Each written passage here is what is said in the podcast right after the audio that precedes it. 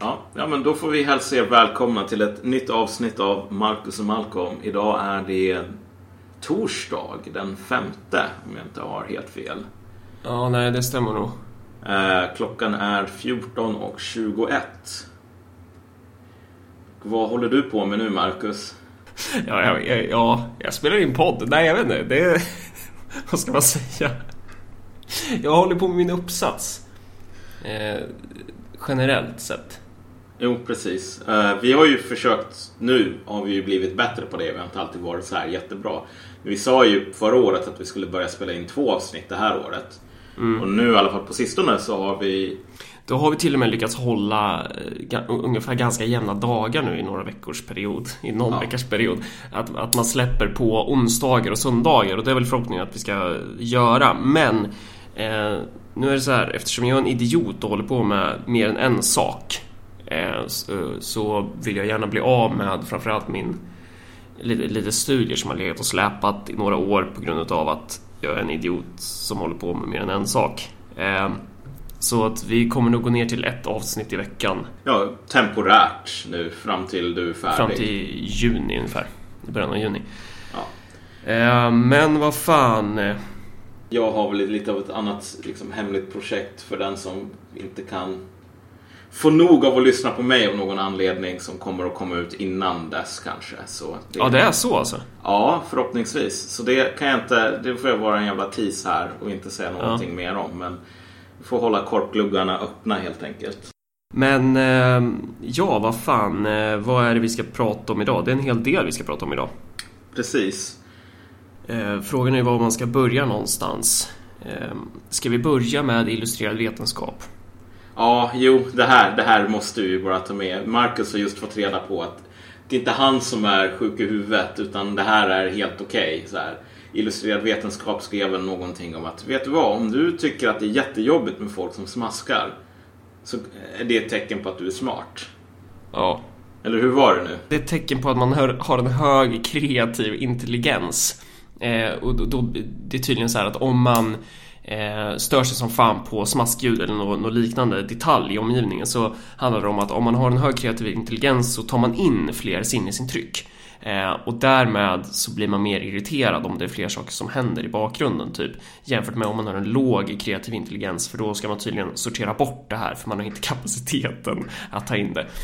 Eh, Så det, slutsats av den här otroligt omfattande vetenskapliga eh, arbetet som troligtvis är en eh, väldigt gedigen, gediget forskningsarbete som har pågått under säkert en, eh, ja, en hundra år skulle jag kunna tänka mig. Kanske ännu längre. Det här kanske är det mest eh, djupgående forskningsarbetet någonsin. Så blir slutsatsen då att eh, om man inte har något emot folk som smaskar så är man helt enkelt jävligt dum i huvudet. Ja, och med tanke på dina reaktioner, hur jävla arg du blev någon gång när jag satt, när vi skypade och jag satt och åt chips och jag hade glömt att det inte var push to talk på Skype eh, Så är ju du världens största geni antagligen. Ja, Ehm, så det känns så bra. det, det är, ja, nej, Marcus Allard, ett stort jävla geni. Om vi ska fortsätta på det temat då. Ja, just det ja. Eh, dels angående Marcus Allard och sen angående, framförallt angående ett stort jävla geni. Anna Herdy. Ja,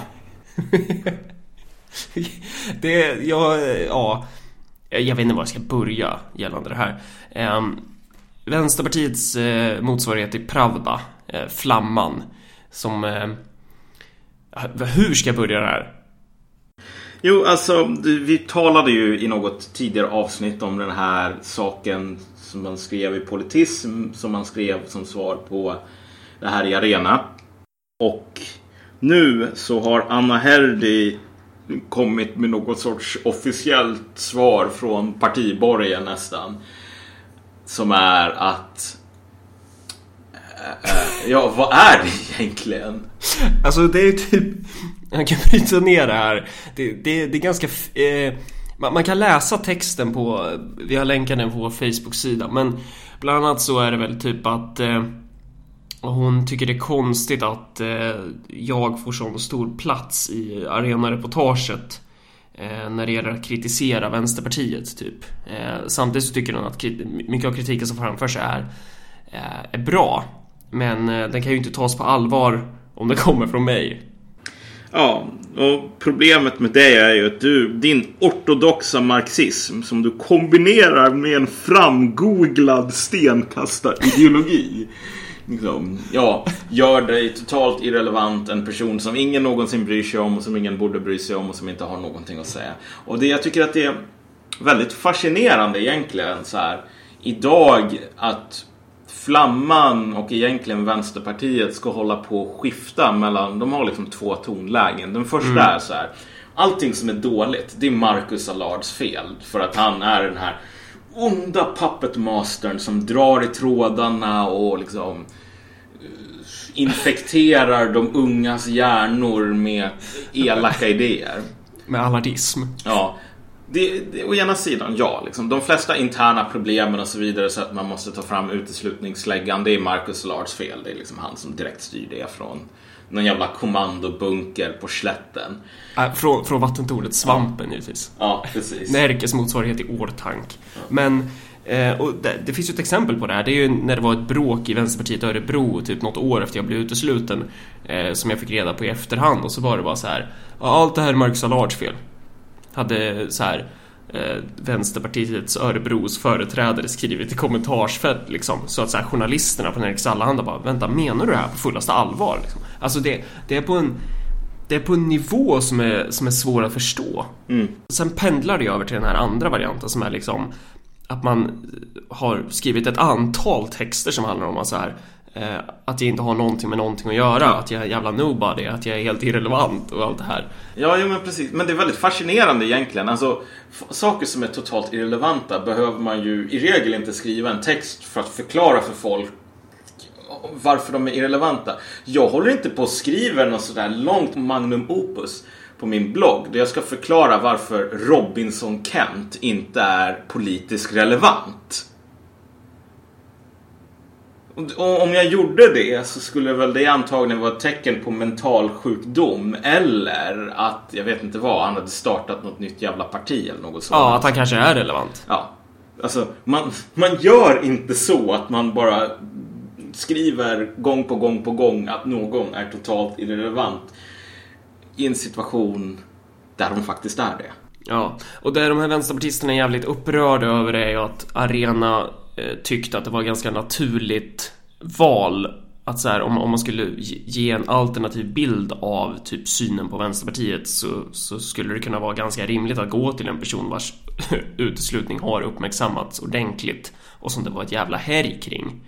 Ehm, men det tycker vänsterpartisterna är orättvist. Mm. Eh, så att även om mycket av det jag säger är rätt och bra så kan man inte lyssna på det förrän någon annan säger samma sak. Ja, jag kan säga så här. Anna Herdy är inte den skarpaste kniven i lådan, långt ifrån. Alltså, hon är ju... Ja, hon är ju som hon är helt enkelt. Man får ju inte vara funkofob idag. Så jag ska inte komma med något tillmäte här. Utan ja, Anna Herdy är Anna Herdy helt enkelt. Um, men jag kan tacka henne för en sak. Och det är så här, den här framgooglad stenkastarideologi. Jag tycker alltså, det är så himla roligt. Jag googlade på just stenkastarideologi och jag fick upp en träff. Ja. Det var Anna Herdys artikel, så det, det, det kanske är en psyops. Precis, men jag vet liksom när du frågade, du länkade mig den här artikeln på Facebook och så bara, var ska man ens börja? Vad ska man ens säga liksom? Var börjar man? Så var mitt svar så här, i all caps självklart testa Google. Det är ju där som du alltid börjar. Och jag kommer att hålla på att driva med dig med, med just där framgooglad stenkastarideologi. Tills vi båda dör. Ehm. Men, men, problemet kvarstår. Vad betyder det ens? Vad är det här för, för begrepp som man operationaliserar med? Alltså vad... Vad menar hon? Jag vet inte. Det, det är väl så här typ det är kul att förstöra saker. Jag är ond, jag är en ors. Liksom. Ja, men det är på den nivån där ungefär. Och det där är någonting som för oss vidare nästan till, till nästa ämne, det här med Donald Trump. Därför att vad är det folk säger om Donald Trumps, eh, honom och just folk som röstar på honom? Jo, men det här är också huliganer med någon sorts galen stenkastarideologi eller typ någon sadomasochistisk penisgrej som, som eh, vad är det, vad heter han, Fredrik Virtanen är ju inne på det spåret. Så Ja. att det är något, I så Ung Vänster kallar man det för snubbighet. Ja, jo men precis. Ja, snubbighetsideologi, det är det som får folk att göra grejer. Ja, just det. Ja. Och att man, man, att man tillgriper den sortens förklaringsmodeller som bara är att ja, men du gör det här för att du är dum i huvudet och du är dum i huvudet för att du är dum i huvudet. Du tycker inte som jag. Ja. Det visar ju på en desperation. Ja, det är, ganska- det är väldigt talande för en viss världsbild alltså. Ja. Och jag menar, det finns ganska många människor i USA som är desperata idag med tanke på att Kasich och Truss eh, har hoppat av racet nu. Så att Trump har vunnit det republikanska partiets nominering mer eller mindre. Och då, det är som jag sa från början, han kommer bli president, eh, såvida inte typ... Nej, jag tror, jag tror fortfarande på Trump alltså. Även om Sanders skulle gå vidare så tror jag fan på Trump. Ja, precis. Sanders kommer ju inte gå vidare nu. Ehm, Det är väldigt tydligt att, vad ska man säga? Ehm, Alltså Hillary Clinton gick ju in i det här racet med alla fördelar som kunde ges en person mer eller mindre. Eh, Och hon har med nöd och näppe klarat av att typ vinna en runda poker där hennes första giv är en Royal Straight Flush liksom. Med nöd och näppe. Men hon kommer nog att vinna den. Men, men det visar ju bara på vilken otroligt svag kandidat som hon är. Och hon, det finns få politiker i USAs historia som är mer avskydd än Hillary Clinton. I alla fall politiker som kandiderar till president. Um, och det, ja, nej, alltså. Det är stenkastarideologernas tid nu verkar det som. Ja, jo men verkligen. Det är ju så. Eh, så det gäller, sig, det gäller ju att man ska kunna freda sig från de här. Eh, och innan vi går in på hur den här myndigheten som har till uppdrag att rädda oss från stenka- framgooglade stenkastarideologier så tycker jag det är viktigt att, att eh, understryka att Anna Herdy också skriver i sin artikel att det faktiskt går bra för Vänsterpartiet nu. Ja, Sen om det beror på den här ansvarsfulla linjen som Aron Etzler driver, det är svårt att säga. Eh, Men en, en sak är klar och det är att Vänsterpartiet behöver Aron Etzler som, som en torr svamp behöver vatten. Jo men alltså gud, det där är så himla intressant med alla de här berättelserna om att det går bra. Jag kommer ihåg Vänsterpartiet Uppsala eh, förra valet. Då var ju jargongen som sådan att man hade hittat den här magiska liksom, fil- pol- politikens filosofernas sten typ. Där med inte till salu. Att det budskapet, också pionerat av mästertaktikern Etzler för övrigt. Att det här, var, det här var det bästa som någonsin hade hänt. Ehm, det är vänstervindar som blåser nu. Alla hatar alliansen. Ehm, nu kommer det gå så jävla bra. Ehm, och sen så gick det otroligt kast. I, i, jag tror att man, man gick bakåt eh, ett par tiondels procent. I, eh, man stampar ju fullkomligt på valresultatet men Ja. som, som Aron Etzler brukar säga eh, till sitt försvar angående, jag tror han skrev det i Flamman va, att så här, eh, operationen var perfekt men patienten blev inte frisk. Samt att eh, så här, Vänsterpartiet Eh, trots allt växte med 3000 eh, röster. Mm. Jo men precis. Och det, men det som slog en, alltså just här på Markplan i Uppsala eller vad man nu ska säga. Jag, jag fick höra det här från några bekanta. Eh, att människor, de som hade hållit på och varit på det här hype-tåget och bara sagt hur jävla framåt allting går. Deras reaktion när de fick se på valresultatet var ju så här. Ja, ja, ja, men det gick i alla fall okej i Uppsala.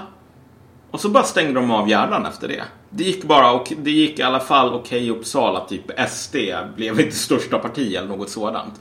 Bara greppa någon sort, sorts halmstrå. Och sen så märkte man att det är som när du trycker datorn från blue screen och du trycker på typ reset-knappen och så startar den om som om ingenting hade hänt. Ja. Eh, Och för en sådan människa, och Anna Herdy är definitivt en sådan liksom, så här, guldfisk-intellekt. Som kan simma runt i skålen fram och tillbaks och bara åh wow, kolla vad nytt det här är, kolla vad nytt det här är, kolla vad nytt det här är. Trots att skålen är jätteliten. Eh, För, för de här människorna, så fort det blir en motgång så stänger de av hjärnan och säger ja men vet du vad, så här, planeten förintades inte i alla fall. Och sen efter man har backat med liksom en halv procent eller någonting och så går man framåt en två tiondelar. Då säger man, ja men kolla, vi håller på och växer, vi håller på och växer. Ja. Och således, Vänsterpartiet är ett parti som, alltså, no joke. Så här är så som folk har talat om det. Det är ett parti som på en 10, 15, 20 år har konstant växt. Det har växt hela tiden. Det har växt så det knakar i 10-20 år. Eh, därför att man säger hela tiden så här, ja men kolla, vi växer nu. När man återhämtar den här förra motgången som man bara sa, men ja okej, jorden förintades inte. Ehm, så att det där är så himla fascinerande hur, hur, hur, jag ska inte säga hjärntvättade, men liksom hur eh, dresserade Ja. intellektuellt. Det här är som väldresserade hundar som kan ett trick, vilket är typ att hoppa och göra en jävla kullerbytta. Det är det enda de kan. Och det är Ja, också... det, det är ju Pravda liksom. Mm, Det är, det är Vänsterpartiets svar på Pravda. mm. Ja men precis. Eh, och alla som någonsin har varit med i det jävla träsket känner väl igen den här berättelsen tyvärr. Men eh, ja, från, från den här sekten till någonting ännu mer tragiskt nästan. Mona Salin. Ja, det är frågan alltså.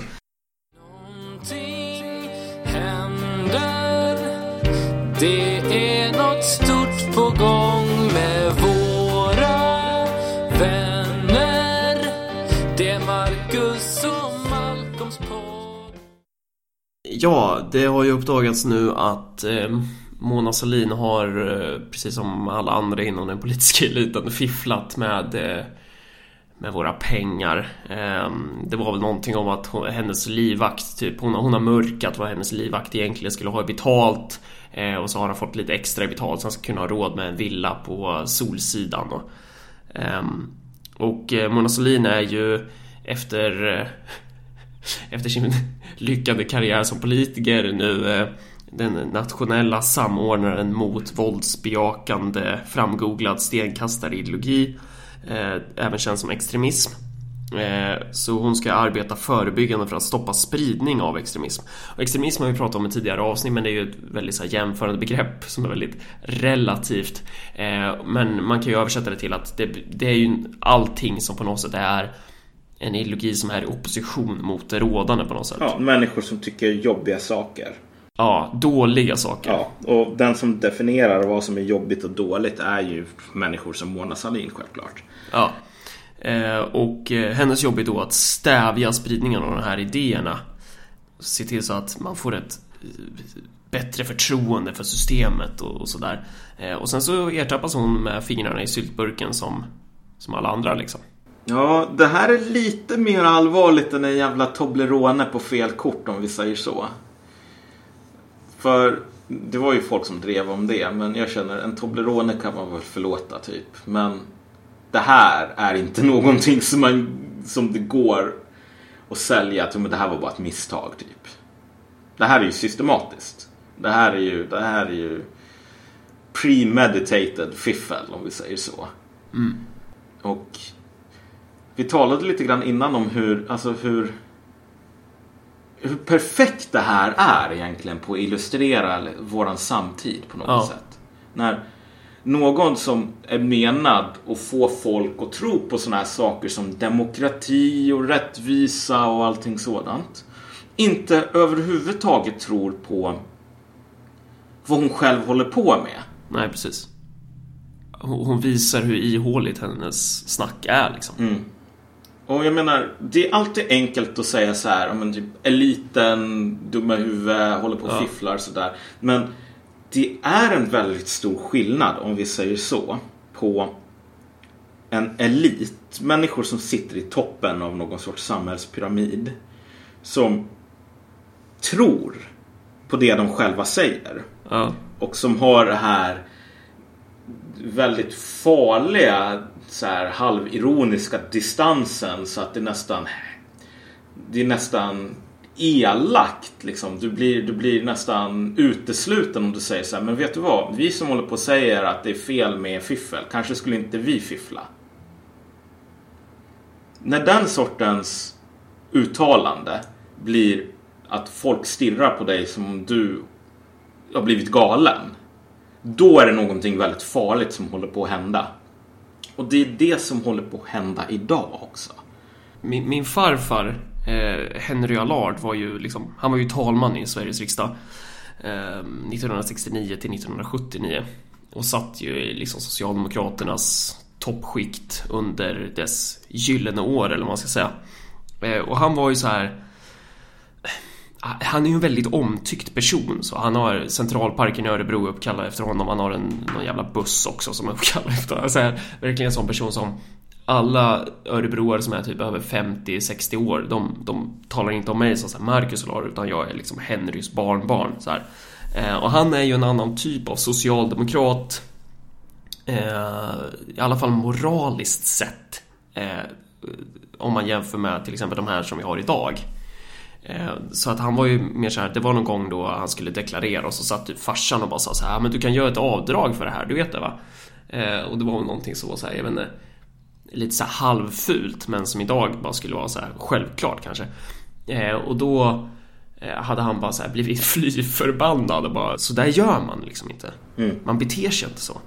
Mm. Den sortens attityd finns inte i, i de etablerade partierna idag.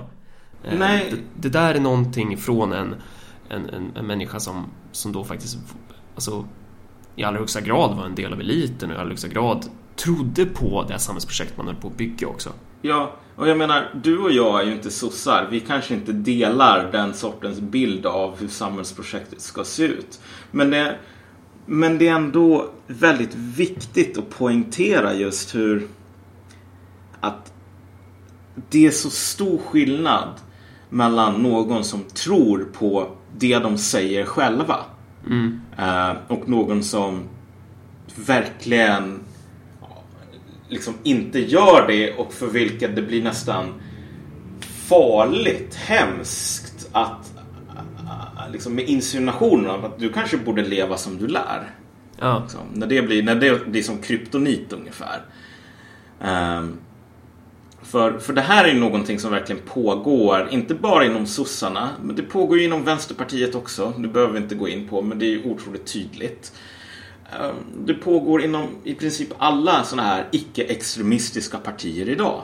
Nej, men all, alla etablerade, de all, åtta klövern, mm. du har det där liksom. Nej, men folk hoppar in i regeringen eller någonting och så har du någon som Per Nuder eller Erik Åsbrink som ska jobba som, som finansminister. Sen direkt när de är färdiga så hoppar de över till, eh, till Goldman Sachs eller liksom Bankföreningen eller vad det nu kan vara. Och får sjukt mycket betalt.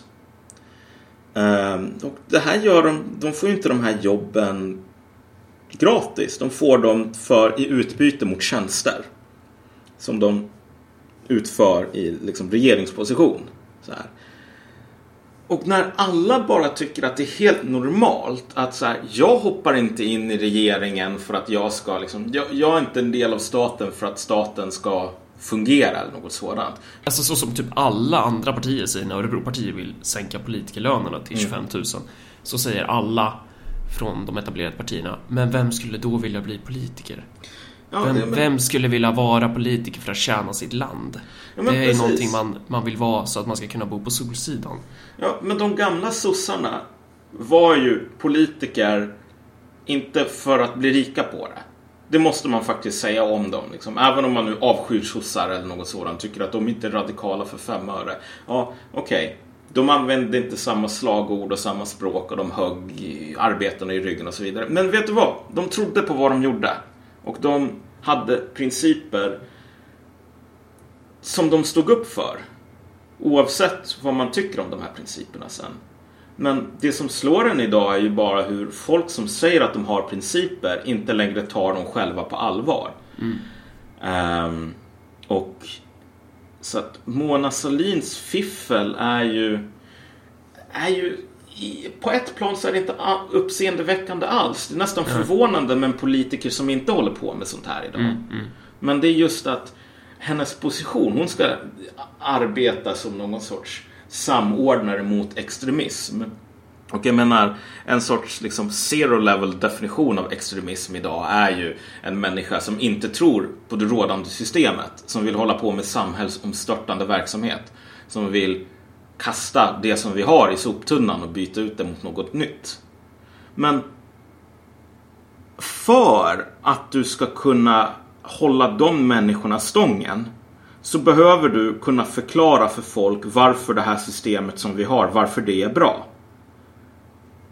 Folk som blir extremister och säger att det här suger. Det är ingen som tror på det här, det går inte att tro på. Det är så konstigt egentligen. Vad har Mona Salin att säga till dem i ett läge där hon har demonstrerat att hon tror inte ens på det. Hon tror inte på det här systemet som någonting med existensberättigande förutom som en möjlighet att stoppa, liksom länsa, stoppa pengar i egen ficka. Och vi talade lite grann om att Donald Trump vann innan. Men jag menar, varför vann han? Han skulle aldrig ha kunnat vunna, vinna om han inte gjorde om han inte bodde i ett land där alla politiker öppet har visat att de tror inte på den amerikanska republiken längre. De sitter i kongressen för att tjäna pengar. Så här, politiker går ut själva och säger så här. Vi sitter här för att tjäna pengar. Uh, om inte du har pengar, ring inte, skriv inte brev. Det är bara jobbigt liksom. Så här. Så här mycket kostar lagstiftning. Så här många miljoner kostar den här lagen. De har demonstrerat redan att republiken är död. Och Donald Trump säger ju det som alla redan vet på något plan. Eh, och jag menar, Mona Salin. Jag skulle vilja kunna säga, liksom, jag vet inte hur du känner inför för henne. Jag skulle gärna vilja kunna bara, haha, här fick du din jävla sopa typ. När det här avslöjas. Men jag tycker bara att det här är så jävla tragiskt. Så här. Så även som någon sorts extremist som inte är världens största fan av det rådande status quo. Så tycker jag bara att det här är tragiskt. Det här är sorgligt. Och eh, eh, ovärdigt egentligen. jag menar, det, det är stora ord att ta i mun när man talar om sossar, jag vet. Men det, det är fortfarande... Jag menar, det här såg vi i slutändan. Jag menar, en av anledningarna till att jag inte kan vara så jävla glad över det här är väl att kommunismen har råkat ut för samma sak. I öststaterna så.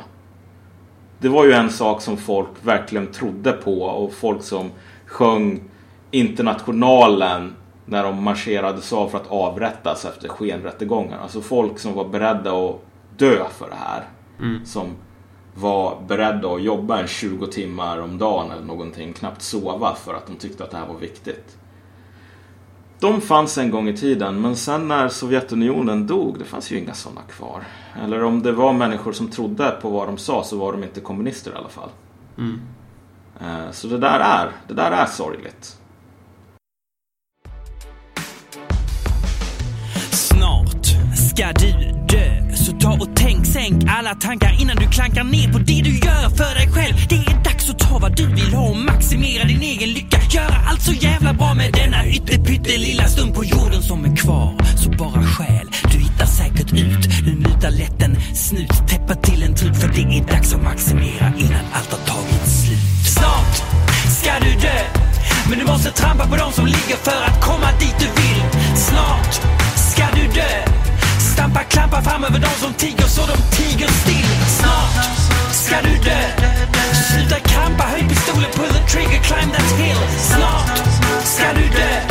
Du måste lämna det där med godhet, vad ska du med det till? Ah, vad gott det är att leva, inte behöva bry sig om någon annans trista sorgligheter. Dina borgerligheter, de är rariteter, ger dig maktbefogenheter. Men tro nu inte att orättvisor är så jävla orättvisa De är ju bara mänskliga så håll käften och ta dig fram och inse för fan det enda ansvar du har det är ju mot dig själv. Du får ingenting tillbaka om du låter andra smaka. Snart ska du dö. Men du måste trampa på dem som ligger för att komma dit du vill. Snart ska du dö. Stampa klampa fram över dem som tiger så de tiger still. Snart ska du dö. Sluta krampa, höj pistolen, pull the trigger, climb that hill. Snart ska du dö. Du lämna det där med godhet, vad ska du med det till? Så hur ska du leva? Sluta förströ dig med att stå där stilla väntande i kö. De tappar en nolla. Låt dem multna, låt dem dö. Du kan inte låta snö bli vatten, späda ut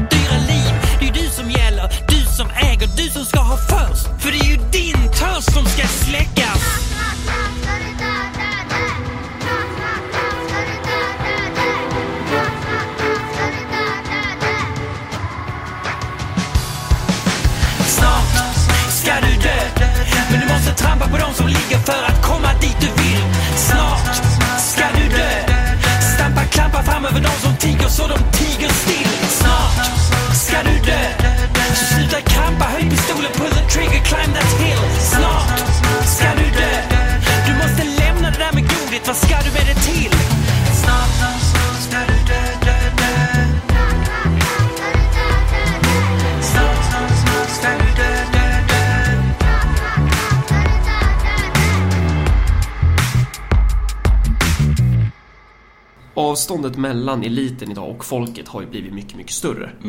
Eh, och eh, man kan väl också se det på liksom hur de här människorna pratar. Dels hur de ser på varandra, men sen också hur de ser på folket som de ska hålla i skick. Liksom. Men är det inte ganska intressant att den här livvakten, anledningen till varför man behövde fiffla var att han skulle köpa en villa på Solsidan. Jo. Var, han ville inte flytta till Skövde, typ. Nej, nej men precis. Och det där är ju, det där är ju talande för det här avståndet som du tog upp. Alltså just att eh, jag vet inte, vi talade lite grann innan om det här med att liksom arbetarkultur, äh, arbetarkultur, arbetarlitteratur, vad det en gång var. De här böckerna av Ivar Lo-Johansson och liknande. Um, för en gång i tiden så var det någonting otroligt radikalt. De sakerna. Alltså själva idén om att beskriva arbetande människors existens, vardag, var ganska ny. Och ganska chockerande. Liksom, varför skulle man göra det? De här, det är ju inte kultur. Ehm, men så börjar man göra det. Och jag tänker att idag så är vi nästan i ett Sverige innan Ivar Lo-Johansson på något sätt. Alltså, förstår du vad jag menar? Jo men verkligen att det har blivit radikalt att prata om arbetarklassen idag igen. Det har blivit radikalt att prata om svenskarna. För att eh, eliten är så jävla långt bort. Eliten är på ett så tryggt avstånd eh, från eh, den verklighet som de skapar. Precis, och, och, och Sverige innan, innan den här sortens arbetarlitteratur som alla håller på och hyllar och så vidare. Det var ju inte ett Sverige utan arbetare.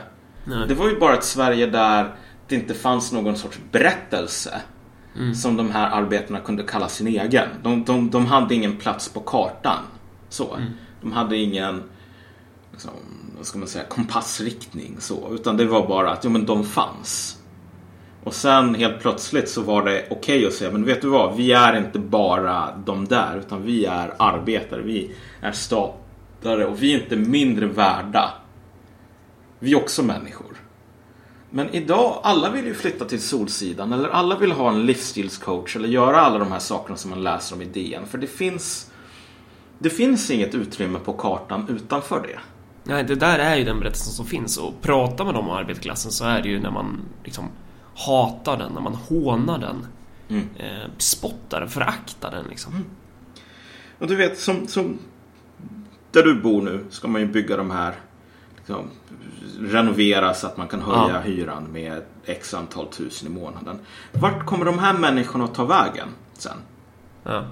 Alltså, det är ingen som någonsin bryr sig om dem. För att alltså, de finns nästan inte. Nej. Alltså, det, det, det kommer inte på tanken att okej, vet du vad? De här kanske inte ska bo i det här området. Då får vi bygga billigare lägenheter åt dem eller något sådant. Utan det är så här, antingen har du råd med sådana här fina lägenheter med, jag vet inte vad, franska fönster, bla bla bla, inglasad altan.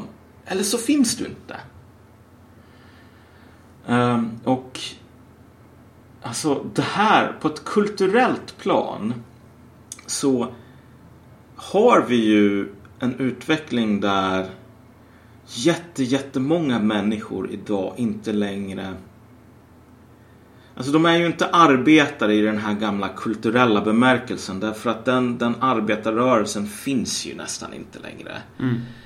Ehm, liksom, det är ju ingen som går på Folkets hus eller ABF-kurser sådär bara för att man jobbar på Ja, de enda som går dit är ju så här vänsterist-lajvare eller Ja. typ eh, övervintrade gamlingar från de gamla åren.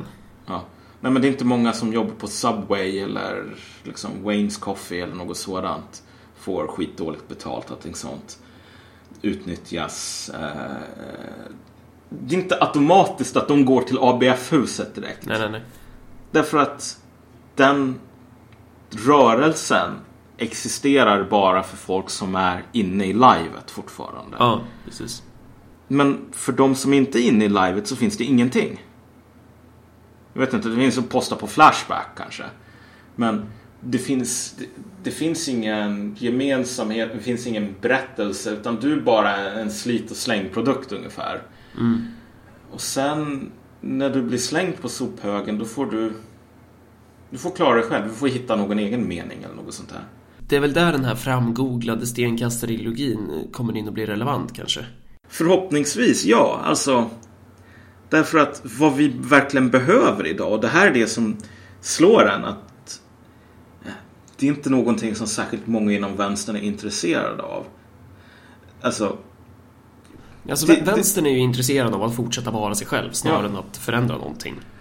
Det är ju, där har du ju det. kolla, det är otroligt enkelt att sälja det här. Att vad vi behöver idag, det är fler människor som kommer hit och kan röda liksom, lågans hela sångbok innan till eller utan till som kan rabbla upp den och har liksom rätt åsikter och bla bla bla vet rätt slagord. Att vi behöver såna, mer sådana i våra tåg. Det är hur enkelt som helst att sälja till folk. De kommer att säga ja, definitivt. Vi behöver fler undersåtar. Men att försöka sälja den här idén om att kanske inte rätt attityd så här. My way or the highway. Du kan antingen bli en del av livet eller så kan, f- får du dra åt helvete för det är här reglerna som gäller. Det, det går inte. Så här. Alltså folk som jobbar på Wayne's Coffee eller något sådant eller folk som går ut gymnasiet idag in i permanent arbetslöshet. De kan antingen bli en del av rörelsen inom citationstecken eh, på dess villkor. Eller så kan de, ja, får de ruttna bort liksom. Eh, men, men, men aldrig någonsin att kanske så är det Kanske så är det religionens uppgift att vara missionerande om vi säger så. Och ge sig ut till både slott och koja. Eh, och sprida gospeln snarare än att hålla sig inne i sin jävla liksom, ABF-katedral och vänta på att konvertiter ska komma till en. Det brukar ju inte funka. Nej. Ehm. Man- får helt enkelt vara beredd att gå till både tullindrivare och hora. Ja. Eh, Men, men det är just det här. Alla vill bo på Solsidan idag. Därför att om du inte bor på Solsidan eller om du inte är en sån där som det går att läsa om i DNs livsstilsreportage. Då är du ingen.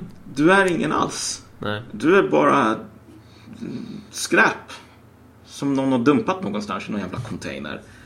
Eh, precis som man kommer att dumpa de här människorna som inte har råd med hyran där du bor. Liksom. Ja. Eh, som man håller på att dumpar människor som inte bor i Stockholm eller Uppsala eller Malmö eller Göteborg. Som bor uppe i Norrland eller i någon sån här. Eller överallt, alltså Ja. i, hela, hela landet alltså. Ja, jättemånga döende stadskärnor runt om i städer i landet med så här, när man skriver om de här, det här tog vi upp för ett par avsnitt sen. när man skriver om dem så här, bara, ja men kolla, här flyttar det här upp, företaget som utvecklar någon jävla Facebook-appar eller vad det nu kan vara dit. Kolla vad bra, nu, nu kommer, nu kommer, nu kommer livet tillbaks till bygden. Men vad händer med människor som inte utvecklar Facebook-appar?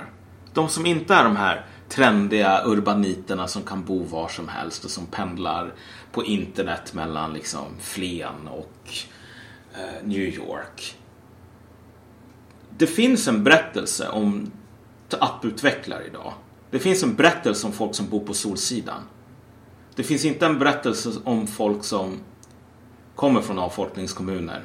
Förutom om de nu lyckas göra klassresan till att utveckla appar.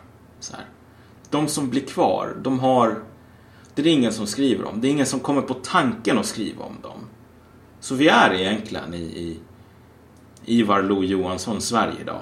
Alltså, du har den här stora massan människor som, som finns. Alla vet att de finns, men ingen vill tala om dem. Eh, och ingen har rätt språk för att tala om dem heller. Nej, verkligen.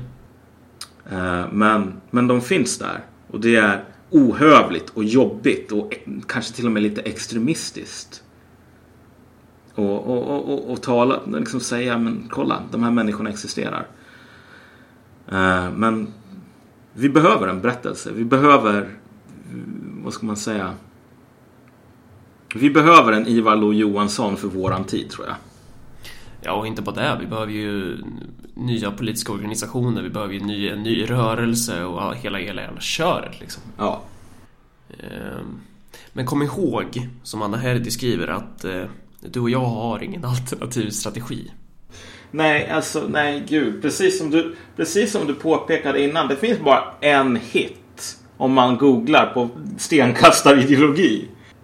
Vilket betyder att vi är ju intellektuellt bankrutta här. Ja, Faktiskt. Alltså. Det enda, det enda vår, vår, vår politiska utsikt är, det är så här. Om Anna Herdy får för sig att skriva mer om stenkastarideologi så kan vi ta våran jävla liksom, anteckningsblock och skriva ner, jaha så här ska man göra typ. ja. Eh, Så ja, nej, du vet. Det, det, det gör ont att bli sågad av Anna Herdy kan man väl säga. Ja, tyckte du att det här var ett intressant avsnitt får du jättegärna dela det. Eh, sprid, sprid, sprid. Och sen så... fan ska man mer säga? Ja. ja. Sprid, sprid podden. Det är väl allt man behöver tillägga på det här liksom. Ja. På återseende helt enkelt nästa vecka. Yes.